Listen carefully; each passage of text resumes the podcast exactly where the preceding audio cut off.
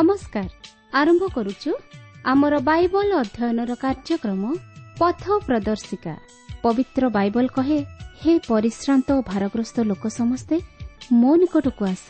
ମୁଁ ତୁମମାନଙ୍କୁ ବିଶ୍ରାମ ଦେବି। ଆସନ୍ତୁ ସେହି ଜୀବନଦାତାଙ୍କର ପରିଚୟ ପାଇ ଜୀବନରେ ବାସ୍ତବ ଶାନ୍ତି ଓ ମୁକ୍ତି ପାଇବା ନିମନ୍ତେ ଶୁଣିବା ବେତାର କାର୍ଯ୍ୟକ୍ରମ ପଥ ପ୍ରଦର୍ଶିକା।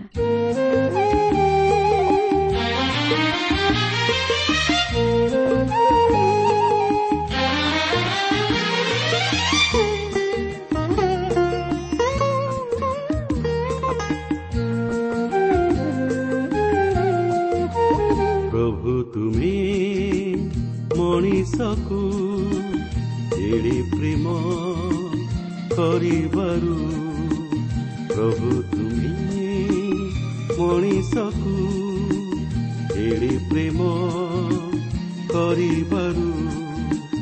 ଏକମାତ୍ର ତନୟଙ୍କୁ ଏକମାତ୍ର ତନୟଙ୍କୁ ଦାନ କଲ ଜଗତକୁ। ଦାନ କଲ ଜଗତକୁ। ପ୍ରଭୁ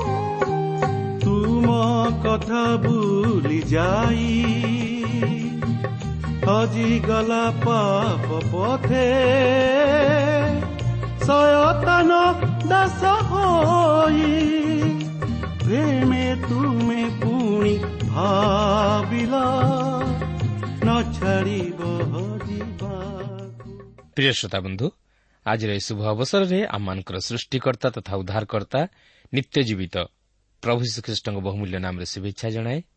ଆଜିର ଏହି ପଥ ପ୍ରଦର୍ଶିକା କାର୍ଯ୍ୟକ୍ରମର ଅଂଶ ହେବା ନିମନ୍ତେ ସ୍ୱାଗତ ଜଣାଏ। ଆପଣ ଆପଣଙ୍କର ବହୁମୂଲ୍ୟ ସମୟ ଦେଇଥିବାରୁ ବିଶେଷ ଧନ୍ୟବାଦ। ଆସନ୍ତୁ ପ୍ରଭୁଙ୍କର ବାକ୍ୟ ମଧ୍ୟକୁ ଯିବା ପୂର୍ବରୁ ସଂକ୍ଷେପରେ ପ୍ରାର୍ଥନା କରିବା।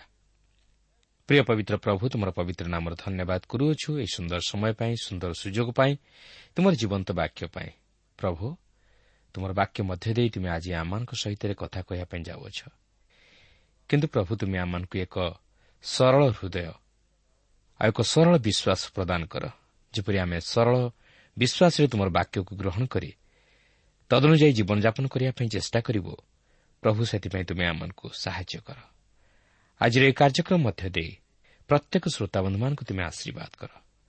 ପ୍ରତ୍ୟେକଙ୍କର ମନସ୍କାମନା ତୁମେ ପୂର୍ଣ୍ଣ କର। ପ୍ରତ୍ୟେକଙ୍କୁ ତୁମର ସେ ଆତ୍ମିକ ଶାନ୍ତି ଆନନ୍ଦରେ ପରିପୂର୍ଣ୍ଣ କର। ଯୀଶୁଙ୍କ ନାମରେ ମାଗୁଅଛୁ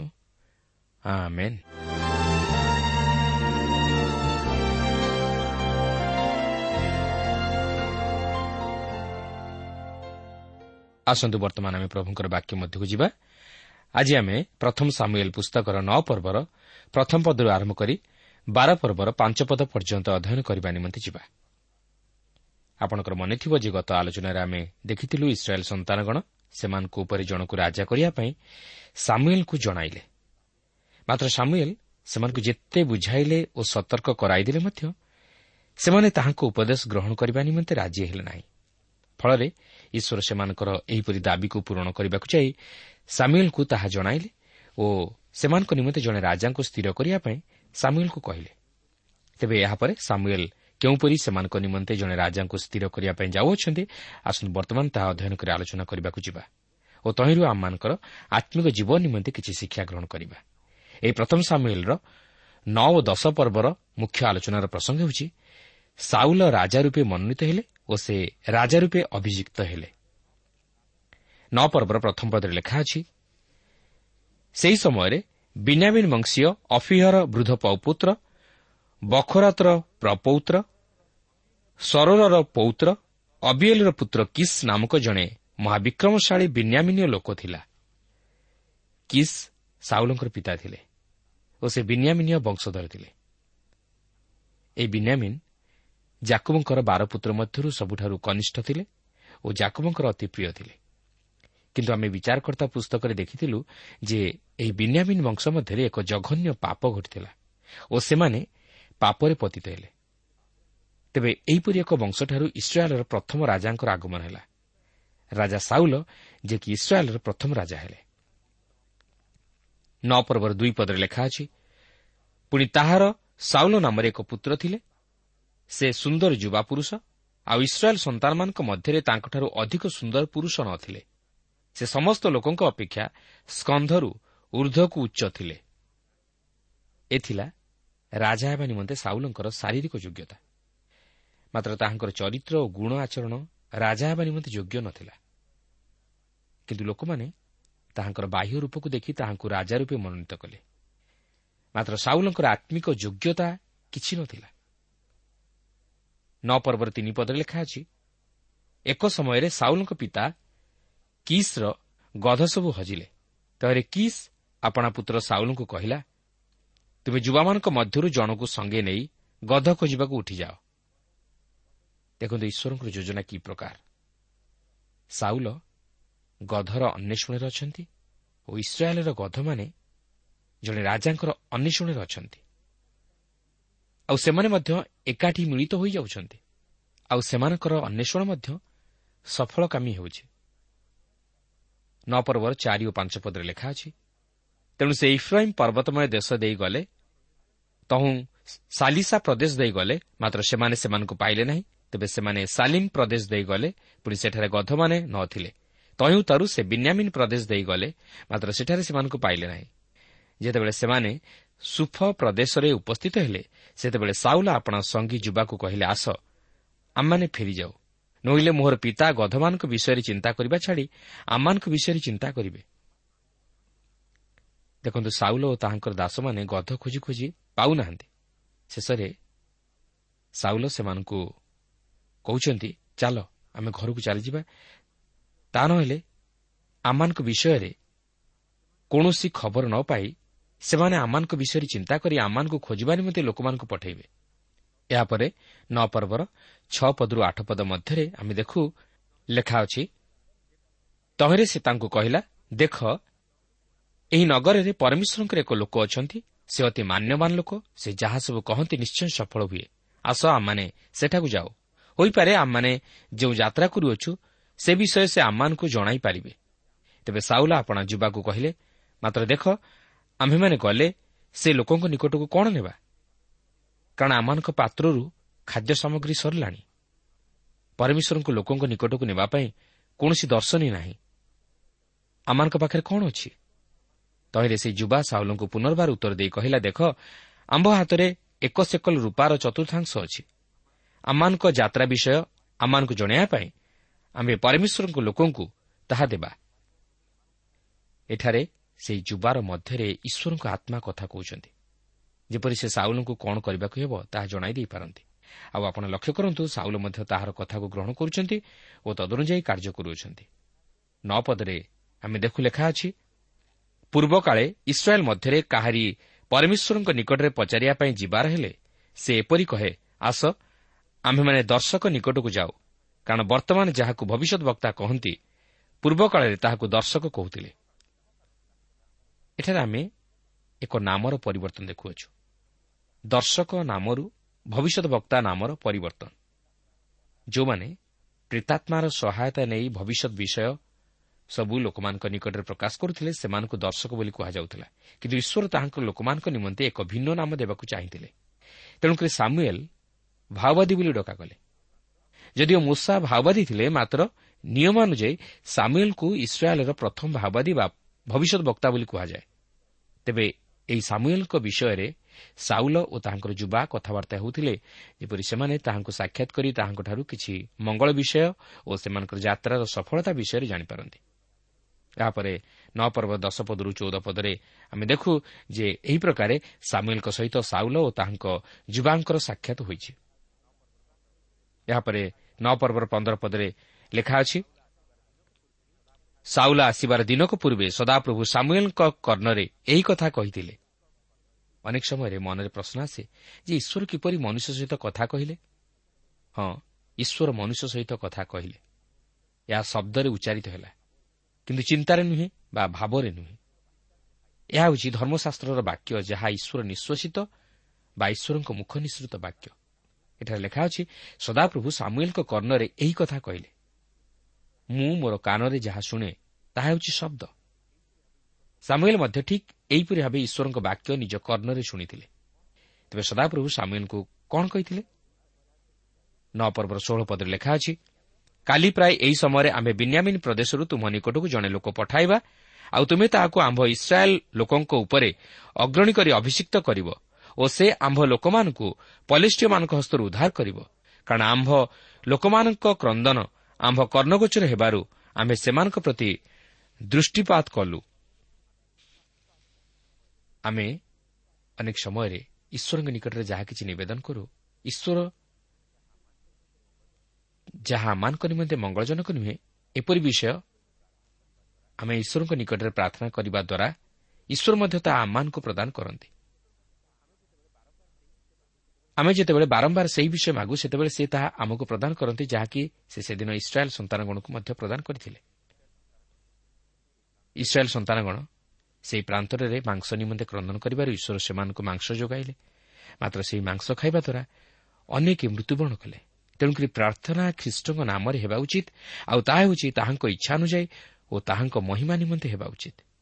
ପ୍ରିୟ ବନ୍ଧୁ ଆମମାନଙ୍କର ସମସ୍ତ ପ୍ରାର୍ଥନା ଈଶ୍ୱରଙ୍କ ଇଚ୍ଛା ଅନୁମୋଦିତ ହେବା ଆବଶ୍ୟକ।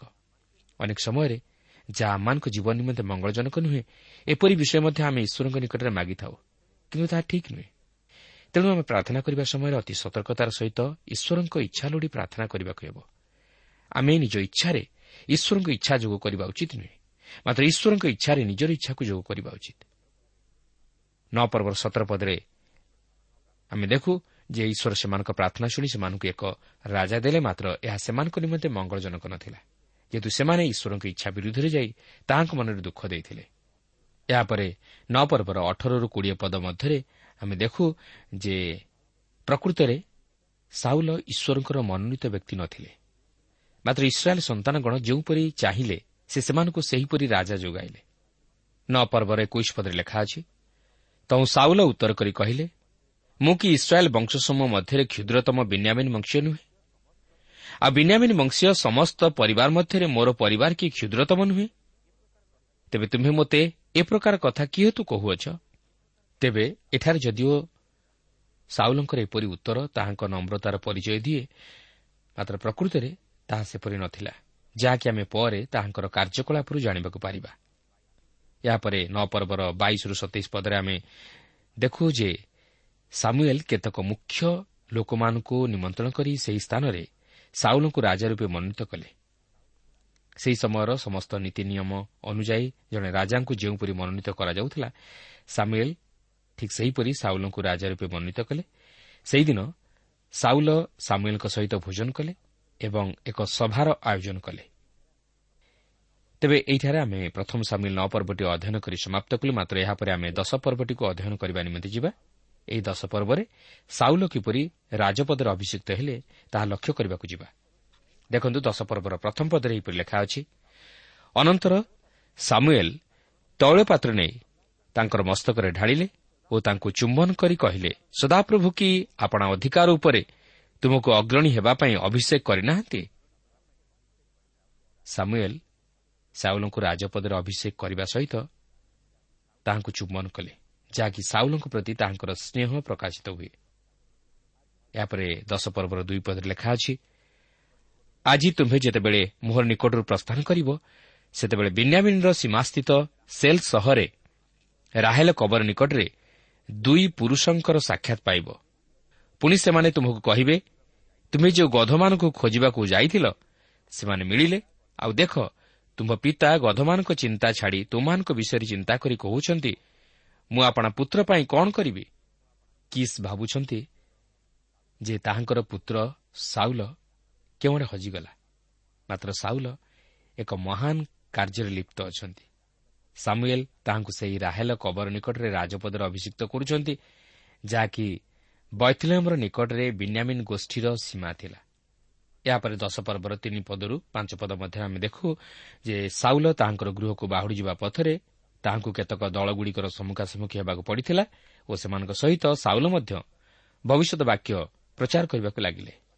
ଏହାପରେ ଦଶ ପର୍ବର ଛଅ ପଦରେ ଲେଖା ଅଛି ସେତେବେଳେ ସଦାପ୍ରଭୁଙ୍କ ଆତ୍ମା ତୁମକୁ ଆକ୍ରାନ୍ତ କରିବେ। ତାହେଲେ ତୁମ୍ଭେ ସେମାନଙ୍କ ସହିତ ଭବିଷ୍ୟତ ବାକ୍ୟ ପ୍ରଚାର କରିବ ଓ ପରିବର୍ତ୍ତିତ ହୋଇ ଅନ୍ୟ ପ୍ରକାର ଲୋକ ହୋଇଯିବ। ଏଠାରେ ପ୍ରଶ୍ନ ଆସେ ଯେ ପ୍ରକୃତିରେ କ'ଣ ସାଉଲ ପରିବର୍ତ୍ତିତ ହୋଇଯାଇଥିଲେ? ନୁହେଁ। କେହି ଜଣେ ପ୍ରଶ୍ନ କରିପାରନ୍ତି ଯେ ତାହେଲେ ସଦାପ୍ରଭୁଙ୍କ ଆତ୍ମା ତାହାଙ୍କୁ ଆକ୍ରାନ୍ତ କଲେ ବୋଲି କିପରି ଲେଖାଯାଇଅଛି? ହଁ ସତକଥା ମାତ୍ର ଏହା ପ୍ରକାଶ କରେ ନାହିଁ ଯେ ସାଉଲ ଜଣେ ନୂତନ ବ୍ୟକ୍ତିରେ ପରିଣତ ହୋଇଗଲେ। ବିଲିୟମଙ୍କ ଉପରେ କ'ଣ ଈଶ୍ୱରଙ୍କ ଆତ୍ମା ଅଧିଷ୍ଠାନ କରିନଥିଲେ? କିନ୍ତୁ ସେ ଯେ ପରିବର୍ତ୍ତିତ ହୋଇଗଲେ ତାହାର କୌଣସି ପ୍ରମାଣ ନାହିଁ। ଇସ୍କାରିୟତ ଜିହୁଦା ବିଷୟରେ ଆମେ କ'ଣ କହିବା?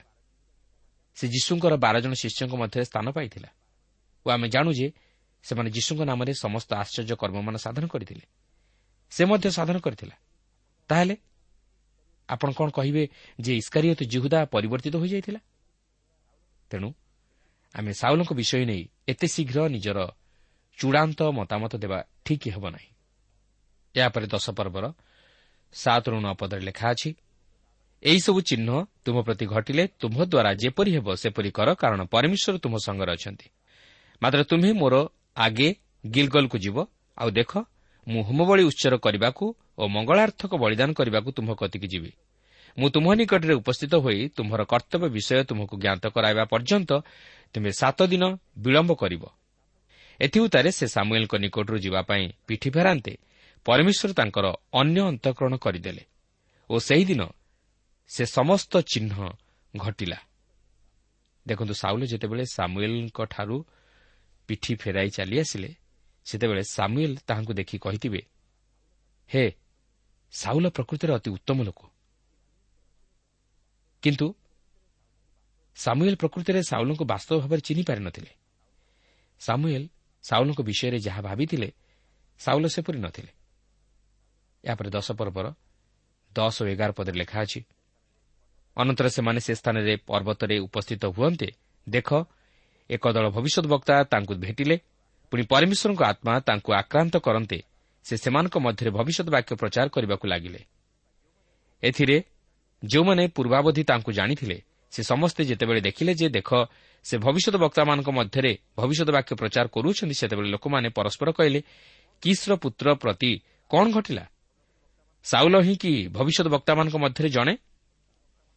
ଦେଖନ୍ତୁ ଈଶ୍ୱରଙ୍କ ଆତ୍ମା ପୁନର୍ବାର ସାଉଲଙ୍କୁ ଆକ୍ରାନ୍ତ କଲେ ସେଥିରେ ସେ ଭବିଷ୍ୟତ ବାକ୍ୟ ପ୍ରଚାର କଲେ। ଯେଉଁମାନେ ତାହାଙ୍କୁ ପୂର୍ବରୁ ଜାଣିଥିଲେ ସେମାନେ ଜାଣିବାକୁ ପାରିଲେ ସାଉଲଙ୍କ ଜୀବନ ପ୍ରତି କ'ଣ ଘଟିଅଛି। ତେଣୁକରି ସେମାନେ ପଚାରୁଛନ୍ତି ସାଉଲ ହିଁ କି ଭବିଷ୍ୟତ ବକ୍ତାମାନଙ୍କ ମଧ୍ୟରେ ଜଣେ? ଈଶ୍ୱର ତାହାଙ୍କୁ ଏକ ସୁଯୋଗ ଦେଇଥିଲେ। ମାତ୍ର ତଥାପି ସେ ବିଫଳ ହେଲେ।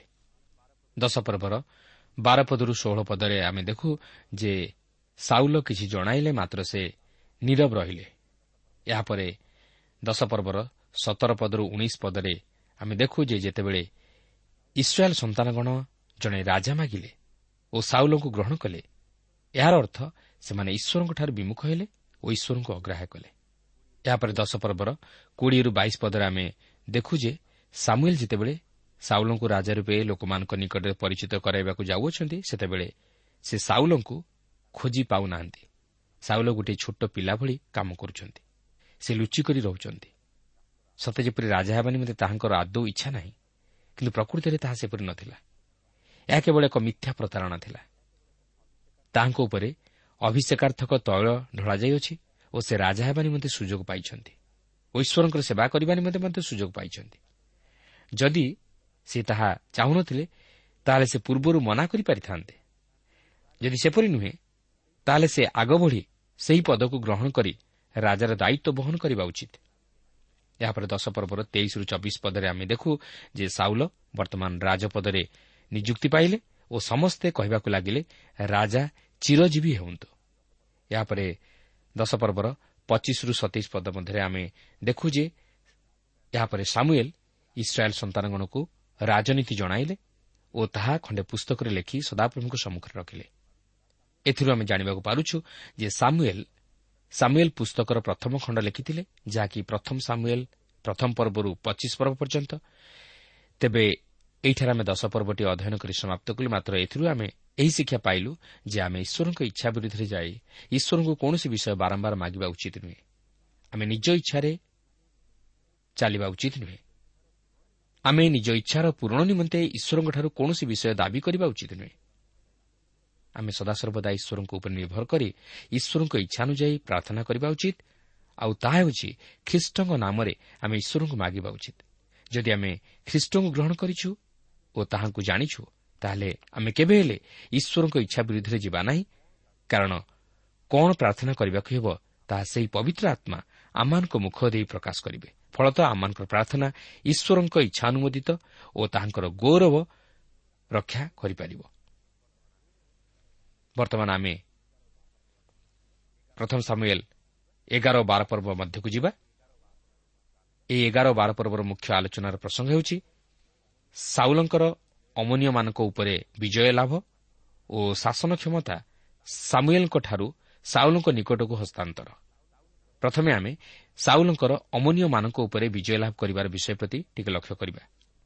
ଏଗାର ପର୍ବର ପ୍ରଥମ ତିନି ପଦରେ ଲେଖା ଅଛି ଅନନ୍ତର ଅମନୀୟ ନାହସ ଆସି ଜାବେସ୍ ଗିଲିୟଦ ସମ୍ମୁଖରେ ଛାଉଣି ସ୍ଥାପନ କଲା। ତହିଁରେ ଜାବେସ୍ର ସମସ୍ତ ଲୋକ ନାହସକୁ କହିଲେ ତୁମେ ଆମମାନଙ୍କ ସହିତ ଏକ ନିୟମ ସ୍ଥିର କର। ତେବେ ଆମମାନେ ତୁମର ସେବା କରିବା। ତହୁ ଅମନୀୟ ନାହସ ସେମାନଙ୍କୁ ଉତ୍ତର କଲା ତୁମ ସମସ୍ତଙ୍କର ଦକ୍ଷିଣ ଚକ୍ଷୁ ଉପଡ଼ା ଗଲେ ମୁଁ ତୁମମାନଙ୍କ ସହିତ ନିୟମ ସ୍ଥିର କରିବି ଆଉ ମୁଁ ତଦ୍ୱାରା ସମସ୍ତ ଇସ୍ରାଏଲ୍ ଉପରେ ଅପମାନ ଧୋଇବି। ତେବେ ଜାବେସ୍ର ପ୍ରାଚୀନମାନେ ତାହାକୁ କହିଲେ ସାତଦିନ ଆମମାନଙ୍କୁ ଛାଡ଼ିଦିଅ। ଆମମାନେ ଇସ୍ରାଏଲ୍ ସୀମାର ସର୍ବତ୍ର ଦୂତ ପଠାଇବା। ତହିଁରେ କେହି ଯେବେ ଆମମାନଙ୍କୁ ଉଦ୍ଧାର କରିବାକୁ ନ ଥାଏ ତେବେ ଆମ୍ଭେମାନେ ବାହାର ହୋଇ ତୁମ୍ଭ ନିକଟକୁ ଆସିବୁ। ଏହା ଥିଲା ଅମନୀୟ ନାହାସର ଜାବେସ୍ର ଲୋକମାନଙ୍କ ଉପରେ ଏକ ଅସୁନ୍ଦର ତଥା ଅସଙ୍ଗତ ଦାବି। ତେଣୁକରି ସେମାନେ ଉଦ୍ଧାର ପାଇବା ନିମନ୍ତେ ଚେଷ୍ଟା କଲେ। ଏହାପରେ ଏଗାର ପର୍ବର ଚାରିପଦରୁ ସାତ ପଦ ମଧ୍ୟରେ ଆମେ ଦେଖୁ ଯେ ସାଉଲ ଏଠାରେ କିପରି ସାମୁଏଲ୍ଙ୍କ ସହିତ ନିଜର ନାମକୁ ମଧ୍ୟ ଯୋଗ କରୁଛନ୍ତି। କାରଣ ସାମୁଏଲ୍ଙ୍କ ନାମ ବିନା ତାହାଙ୍କ ନାମର କୌଣସି ସ୍ଥିତି ନାହିଁ। ତେଣୁ ସାଉଲ ଯେତେବେଳେ ସାମୁଏଲ୍ଙ୍କ ନାମକୁ ଯୋଗ କରି ଲୋକମାନଙ୍କୁ ଡାକିଲେ ସେତେବେଳେ ଲୋକମାନେ ବାହାରି ଆସିଲେ। କିନ୍ତୁ ସେମାନେ ଦୁଇ ଜଣଙ୍କୁ ଭୟ କରି ସେହିପରି ବାହାର ହୋଇ ଆସିଥିଲେ। ପ୍ରଥମତଃ ସାଉଲଙ୍କୁ ଭୟ କରିବା ହେତୁ ଓ ଦ୍ୱିତୀୟରେ ଅମନ ସନ୍ତାନଗଣ ସେମାନଙ୍କ ପ୍ରତି କ'ଣ କରିବେ ତାହା ଭୟ କରିବା ହେତୁ ସେମାନେ ସାଉଲଙ୍କ କଥାରେ ବାହାର ହୋଇ ଆସିଲେ। ଏହାପରେ ଏଗାର ପର୍ବର ଆଠ ପଦରୁ ଏଗାର ପଦରେ ଆମେ ଦେଖୁ ଯେ ସାଉଲ ତାହାଙ୍କର ଲୋକମାନଙ୍କୁ ତିନି ଦଳରେ ବିଭକ୍ତ କଲେ। ତାହାପରେ ଇସ୍ରାଏଲ୍ ସନ୍ତାନଗଣ ଅମନୀୟମାନଙ୍କ ବିରୁଦ୍ଧରେ ଯାଇ ସେମାନଙ୍କୁ ଏପରି ଆଘାତ କରି ବଧ କଲେ ଯେ ସେମାନଙ୍କର ସୈନ୍ୟ ଦଳ ଛିନ୍ନଭିନ୍ନ ହୋଇଗଲେ। ସେହି ଇସ୍ରାଏଲୀୟମାନଙ୍କ ମଧ୍ୟରୁ କେତେକ ସାଉଲଙ୍କର ରାଜା ହେବା ବିଷୟ ନେଇ ପ୍ରତିବାଦ କଲେ। କିନ୍ତୁ ସାମୁଏଲ୍ ସେହି ପ୍ରତିବାଦ ଉପରେ କୌଣସି ଗୁରୁତ୍ୱ ଦେଲେ ନାହିଁ। ଯେପର୍ଯ୍ୟନ୍ତ ସମସ୍ତ ଇସ୍ରାଏଲ୍ ଜାତି ସାଉଲଙ୍କ ସପକ୍ଷରେ ଏକାଠି ହୋଇନଥିଲେ କିନ୍ତୁ ସାଉଲଙ୍କର ଅମନୀୟମାନଙ୍କ ପ୍ରତି ଏହିପରି ବ୍ୟବହାର ତାହାଙ୍କ ପ୍ରତି କରାଯାଉଥିବା ପ୍ରତିବାଦକୁ ସୁଧାରି ନେଇଥିଲା ଏହାପରେ ଏଗାର ପର୍ବର ତେର ପଦରୁ ପନ୍ଦର ପଦ ମଧ୍ୟରେ ଆମେ ଦେଖୁ ଯେ ବର୍ତ୍ତମାନ ସମସ୍ତ ଇସ୍ରାଏଲୀୟମାନେ ସାଉଲଙ୍କୁ ରାଜା ରୂପେ ଗ୍ରହଣ କରୁଅଛନ୍ତି। ତେବେ ଏଠାରେ ଆପଣ ମୋତେ ପ୍ରଶ୍ନ କରିପାରନ୍ତି ଯେ ଆପଣ ତ କହୁଥିଲେ ଯେ ସାଉଲ ଯଦିଓ ରାଜା ରୂପେ ମନୋନୀତ ହୋଇଥିଲେ ମାତ୍ର ସେ ପ୍ରକୃତିରେ ରାଜା ହେବା ନିମନ୍ତେ ଯୋଗ୍ୟ ନଥିଲେ ତେବେ ଏଠାରେ ସେ ତ ଉତ୍ତମ ବିଷୟ ସାଧନ କରୁଛନ୍ତି ଓ ଲୋକମାନେ ମଧ୍ୟ ତାହାଙ୍କୁ ରାଜା ରୂପେ ଗ୍ରହଣ କରି ମହା ଆନନ୍ଦ କରୁଛନ୍ତି ତାହେଲେ ଏହା କିପରି ସମ୍ଭବଯୋଗ୍ୟ ହେଲା? ଆପଣ ବ୍ୟସ୍ତ ହୁଅନ୍ତୁ ନାହିଁ। ମାତ୍ର ଧୈର୍ଯ୍ୟର ସହିତ ଆଗକୁ ଆଗକୁ ଅଧ୍ୟୟନ କଲେ ଆପଣ ସାଉଲଙ୍କର ପ୍ରକୃତ ରୂପ ଦେଖିବାକୁ ପାରିବେ। କାରଣ ଏତିକିରେ ସାଉଲଙ୍କର ଜୀବନ କାହାଣୀ ସମାପ୍ତ ହୋଇଯାଏ ନାହିଁ। ତେବେ ଏଠାରେ ଆମେ ପ୍ରଥମ ସାମିଲ ଏଗାର ପର୍ବଟି ଅଧ୍ୟୟନ କରି ସମାପ୍ତ କଲୁ ମାତ୍ର ଏହାପରେ ଆମେ ବାର ପର୍ବଟି ଅଧ୍ୟୟନ କରିବାକୁ ଯିବା। ଏହି ବାର ପର୍ବରେ ସାମୁଏଲ୍ଙ୍କ ହସ୍ତରୁ କିପରି କ୍ଷମତା ସାଉଲଙ୍କ ହସ୍ତକୁ ହସ୍ତାନ୍ତରିତ ହେଲା ତାହା ଲକ୍ଷ୍ୟ କରିବାକୁ ପାରିବା। ବାର ପର୍ବର ପ୍ରଥମ ପଦରେ ଆମେ ଦେଖୁ ଯେ ସାମୁଏଲ୍ ଜଣେ ଈଶ୍ୱରଙ୍କ ଲୋକ ଥିଲେ ଓ ସେ ଜଣେ ଚମତ୍କାର ବ୍ୟକ୍ତି ଥିଲେ। ସେ ସାଉଲଙ୍କୁ ରାଜପଦରେ ଅଭିଷିକ୍ତ କଲେ। ଯଦିଓ ଇସ୍ରାଏଲ୍ ସନ୍ତାନଗଣ ଈଶ୍ୱରଙ୍କୁ ଉପେକ୍ଷା କରି ଜଣେ ରାଜାଙ୍କୁ ଗ୍ରହଣ କଲେ ତଥାପି ସେମାନେ ଯଦି ଈଶ୍ୱରଙ୍କର ବାଧ୍ୟ ହେବେ ତାହେଲେ ସେ ସେମାନଙ୍କ ପ୍ରତି ତାହାଙ୍କର ଆଶୀର୍ବାଦ ତଥା ଅନୁଗ୍ରହ ବର୍ଷାଇବେ। ତାହା ମଧ୍ୟ ଅତି ପରିଷ୍କାର ଜଣାପଡ଼େ। ସାଉଲ ରାଜା ହୋଇଥିଲେ ଓ ଈଶ୍ୱର ମଧ୍ୟ ତାହାଙ୍କୁ ଅନେକ ସୁଯୋଗ ଦେଇଥିଲେ। ବାର ପର୍ବର ଦୁଇ ପଦରେ ଆମେ ସାମୁଏଲ୍ଙ୍କ କଥାରୁ ଜାଣିବାକୁ ପାରୁଛୁ ଯେ ସାମୁଏଲ୍ ବାଲ୍ୟକାଳରୁ ବୃଦ୍ଧାବସ୍ଥା ପର୍ଯ୍ୟନ୍ତ ସେହି ସମାଗମ ତମ ମଧ୍ୟରେ ରହି ବିଶ୍ୱସ୍ତ ଭାବେ ପ୍ରଭୁଙ୍କର ସେବା କାର୍ଯ୍ୟ କରିବା ସଙ୍ଗେ ସଙ୍ଗେ ଲୋକମାନଙ୍କ ପ୍ରତି ମଧ୍ୟ ନ୍ୟାୟ ବିଚାର ପ୍ରଦାନ କରୁଥିଲେ। ମାତ୍ର ସେ ତାହାଙ୍କର ମୃତ୍ୟୁ ପୂର୍ବରୁ ତାଙ୍କର ପୁତ୍ରମାନଙ୍କୁ ସେମାନଙ୍କର ଦୃଷ୍ଟିଗୋଚର କରାନ୍ତି ଯେପରି ସେମାନେ ତାଙ୍କର ପୁତ୍ରମାନଙ୍କୁ ଗ୍ରହଣ କରନ୍ତି। ସେମାନଙ୍କୁ ରାଜା ବା ଶାସନକର୍ତ୍ତା ରୂପେ ଗ୍ରହଣ କରନ୍ତି। ସାମିଲଙ୍କର ଇଚ୍ଛା ଥିଲା ଯେପରି ତାହାଙ୍କର ପୁତ୍ରମାନେ କୌଣସି ପଦବୀର ଅଧିକାରୀ ହୁଅନ୍ତୁ ମାତ୍ର ଈଶ୍ୱରଙ୍କର ଇଚ୍ଛା ତାହା ନ ଥିଲା ଈଶ୍ୱର ସେମାନଙ୍କୁ ଗ୍ରହଣ କରିନଥିଲେ। ଯେହେତୁ ସେମାନଙ୍କର ଜୀବନ ସାମୁଏଲ୍ଙ୍କ ଜୀବନଠାରୁ ସମ୍ପୂର୍ଣ୍ଣ ଭିନ୍ନ ଥିଲା।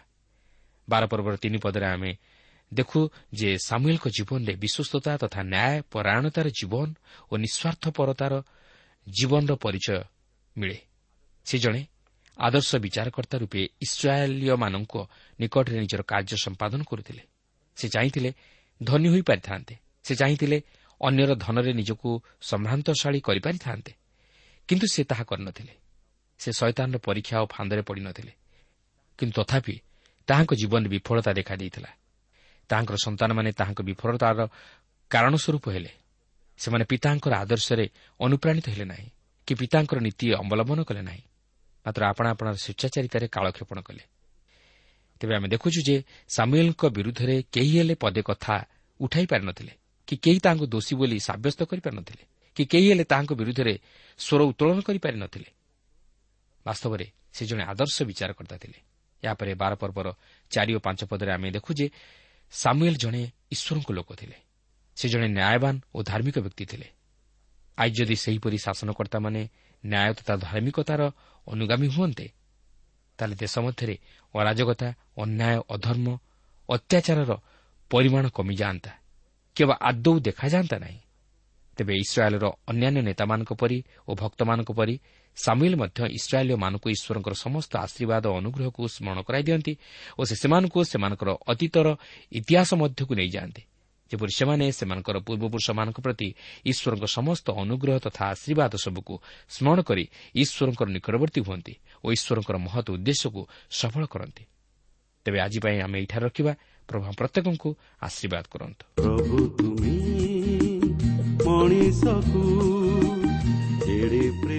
ପ୍ରିୟ ଶ୍ରୋତା ଆମର କାର୍ଯ୍ୟକ୍ରମ ନିୟମିତ ଶୁଣୁଥିବାରୁ ଅଶେଷ ଧନ୍ୟବାଦ। ଆପଣ ଏହି କାର୍ଯ୍ୟକ୍ରମ ଶୁଣିବା ଦ୍ୱାରା ଆତ୍ମିକ ଜୀବନରେ ଉପକୃତ ହୋଇପାରିଥିବେ ବୋଲି ଆମର ବିଶ୍ୱାସ। ପ୍ରଭୁ ଯୀଶୁଙ୍କ ବିଷୟରେ ଅଧିକ ଜାଣିବାର ଆଗ୍ରହ ଥିଲେ ଅଥବା ଉପାଦେୟ ପୁସ୍ତକର ଆବଶ୍ୟକ ଥିଲେ ଆମ ସହ ଯୋଗାଯୋଗ କରନ୍ତୁ। ଆମର ଠିକଣା ପଥ ପ୍ରଦର୍ଶିକା Trans World Radio India post box number ତିନି ତିନି ଭୁବନେଶ୍ୱର ସାତ ପାଞ୍ଚ ଏକ ଶୂନ ଶୂନ ଏକ mobile number nine seven double seven double two one four one five ଠିକଣାଟି ଆଉଥରେ ଶୁଣନ୍ତୁ ପଥ ପ୍ରଦର୍ଶିକା Trans World Radio India post box number three three Bhubaneswar seven five one zero zero one mobile number nine seven double seven double two one four one five ଆମର email ଆଡ୍ରେସଟି ଲେଖି ରଖନ୍ତୁ Odia TTV at radio eight eight two dot com ତେବେ ଆଜି ପାଇଁ ବିଦାୟ ଦିଅନ୍ତୁ। ନମସ୍କାର। ସେ ନିଜ ପ୍ରାଣ ସେ ଦେଲେ ତାକୁ କ୍ଷମା କରିବାକୁ। ପ୍ରଭୁ ତୁମେ ମଣିଷକୁ ଏଡ଼େ ପ୍ରେମ କରିବାରୁ ପ୍ରଭୁ ତୁମେ ମଣିଷକୁ ଏଡ଼େ ପ୍ରେମ କରିବାରୁ ଏକମାତ୍ର ତନୟଙ୍କୁ ଏକମାତ୍ର ତନୟଙ୍କୁ ଦାନ କଲ ଜଗତକୁ ଦାନ କଲ ଜଗତକୁ ପ୍ରଭୁ ତୁମେ ମଣିଷକୁ ଏଡ଼େ ପ୍ରେମ କରିବାରୁ ପ୍ରଭୁ ତୁମେ ମଣିଷକୁ ଏଡ଼େ ପ୍ରେମ କରିବାରୁ